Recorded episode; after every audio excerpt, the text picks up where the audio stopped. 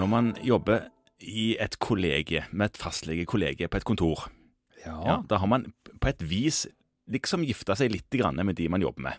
Ja, altså, noen ganger ser man jo de mer enn man ser ektefellen. Ja, Og noen er jo faktisk gift, men det var jo ikke det vi skulle snakke om. Altså rent faktisk. Ja. ja.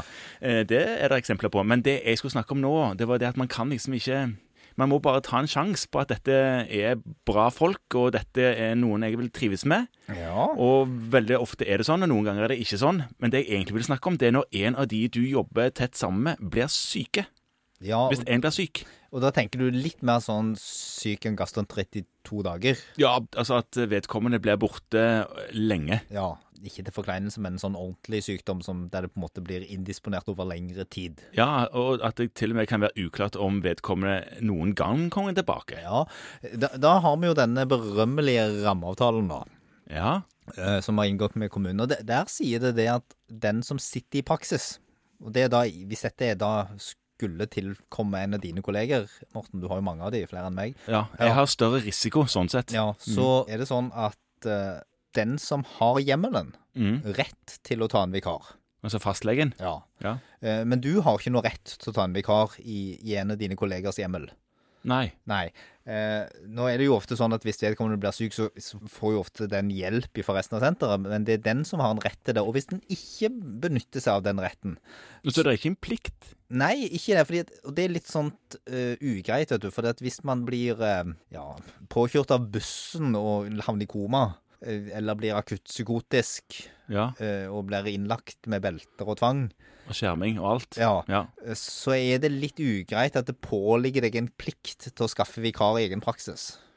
ja, jeg ser jo at det kan bli kreativt, ja. Ja. det vil være veldig krevende. Sånn at det som skjer er at hvis du ikke har benytta deg av denne retten, så vil kommunen da, ved et fravær over åtte uker, ha en plikt. Altså kommunen, Ja. som arbeidsgiveren din, liksom. Ja, som den som på en måte har ansvar for pasientene. Ja, Du har jo en kontrakt om at du har ansvar for pasientene dine, og hvis du ikke kan ivareta det, så faller på en måte kravet tilbake til kommunen. Det er de som egentlig har ansvar for pasientene, og så har de gjort en avtale med deg, men hvis du ikke kan ivareta den, så faller på en måte det tilbake til kommunen. Og da kan de sette inn en vikar, og da kan de ta basistilskuddet ditt og gi det til vikaren. Ja. Eh, Og det må de jo på en måte få lov til. De kan også på en måte leie denne tjenesten for et sånt vikarbyrå, eller for noen andre leger. Altså, noen kommuner inngår avtaler med fastlegen i kommunen Mm. om at hvis du blir syk lenge, så skal pasientene dine fordeles på et visst antall leger i kommunen i den perioden du er syk. Ja.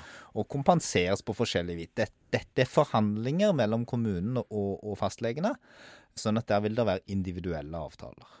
Men eh, hva når du blir frisk? Altså Er det bare Da tupper de vikaren ut igjen, eller dette blir kanskje avtalt i hvert enkelt tilfelle? Ja, det blir avklart i hvert enkelt tilfelle. Det blir som det blir med en annen sykemelding. Altså, Hvis du er syk så lenge, så er du jo sykemeldt. Mm. Og, og da er det sånn at da, det er noen sånn rimelige krav til. Men, men du har jo din jobb, og du har rett til å få tilbake igjen jobben din når du blir friskmeldt. Mm. Så da får man jo bare tuppe vikaren ut. Det er jo eh, vikariatets svøpe, det at det er kortvarig og litt ustabilt de det avsluttes. Ja. Så, så det tror jeg ikke man som fastlege skal tenke litt mye på. Det, det som er vanskelig, og i de tilfellene man kanskje skal ta kontakt og spørre om hjelp av noen, f.eks. Legeforeningen, det er hvis det begynner å bli en diskusjon rundt driftstilskudd og utgifter.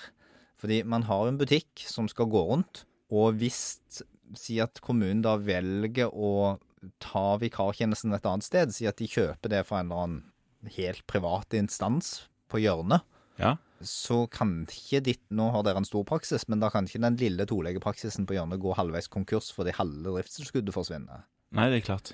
Og da tenker jeg at det er en sak som Det er ikke i noens interesse at den gjør det, men, men det er klart at det er en sak som, som man må diskutere med kommunen i hvert enkelt tilfelle. Og der tror jeg kanskje at hvis man blir i tvil der, så kan juridiske avdeling i Legeforeningen absolutt være en god hjelp. Det kan det jo helt sikkert være, og, og kanskje en hjelp dersom du, som den som har blitt påkjørt av bussen eller blitt beltlagt og er psykotisk, etter hvert begynner å tenke på at eh, jeg burde jo ha penger til å betjene mine utgifter.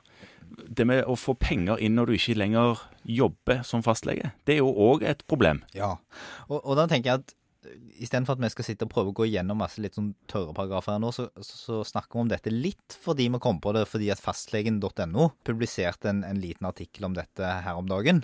Og det er en ressurs der man kan gå inn og lese på mange spennende linker om det å være fastlege. Ja. Og de praktiske forholdene rundt det. Så jeg anbefaler gjerne å kikke på den. Sette seg litt inn i grunnlaget som ligger bak.